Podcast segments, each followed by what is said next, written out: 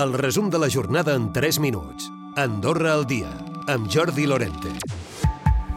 Un dia més ens referim a la situació de la manca de pisos de lloguer. Aquest divendres la ministra de Presidència, Economia, Treball i Habitatge, Conxita Marsol, s'ha reunit amb els sindicats per explicar algunes de les propostes que té sobre la taula el govern. Ha estat una trobada fructífera, com destacava el secretari general de l'USDA, Gabriel Ubach. Jo crec que si s'aplica si el que la ministra ens ha explicat i el que nosaltres li proposarem, el tema de l'habitatge durant l'any que ve pot estar solventat. Una de les mesures passaria per posar al mercat el parc d'habitatge habitatges buits, el govern garantiria uns ingressos mensuals als propietaris a canvi de cedir els habitatges durant un temps per determinar. I una altra opció seria la que afectaria en aquest cas els apartaments turístics, modificant el model actual. Propostes que hi ha sobre la taula, com d'altres, però sobretot aquestes més immediates a l'hora de poder tenir ja pisos a disposició amb un preu assequible.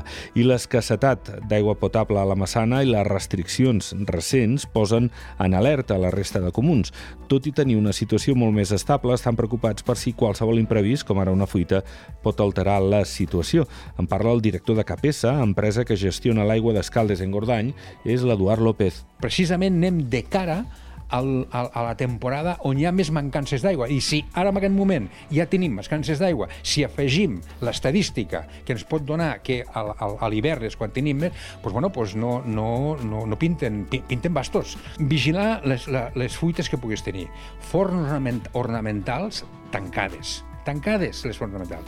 Els recs, tant privats com, com públics, permès de regar cada dia, regar cada tres.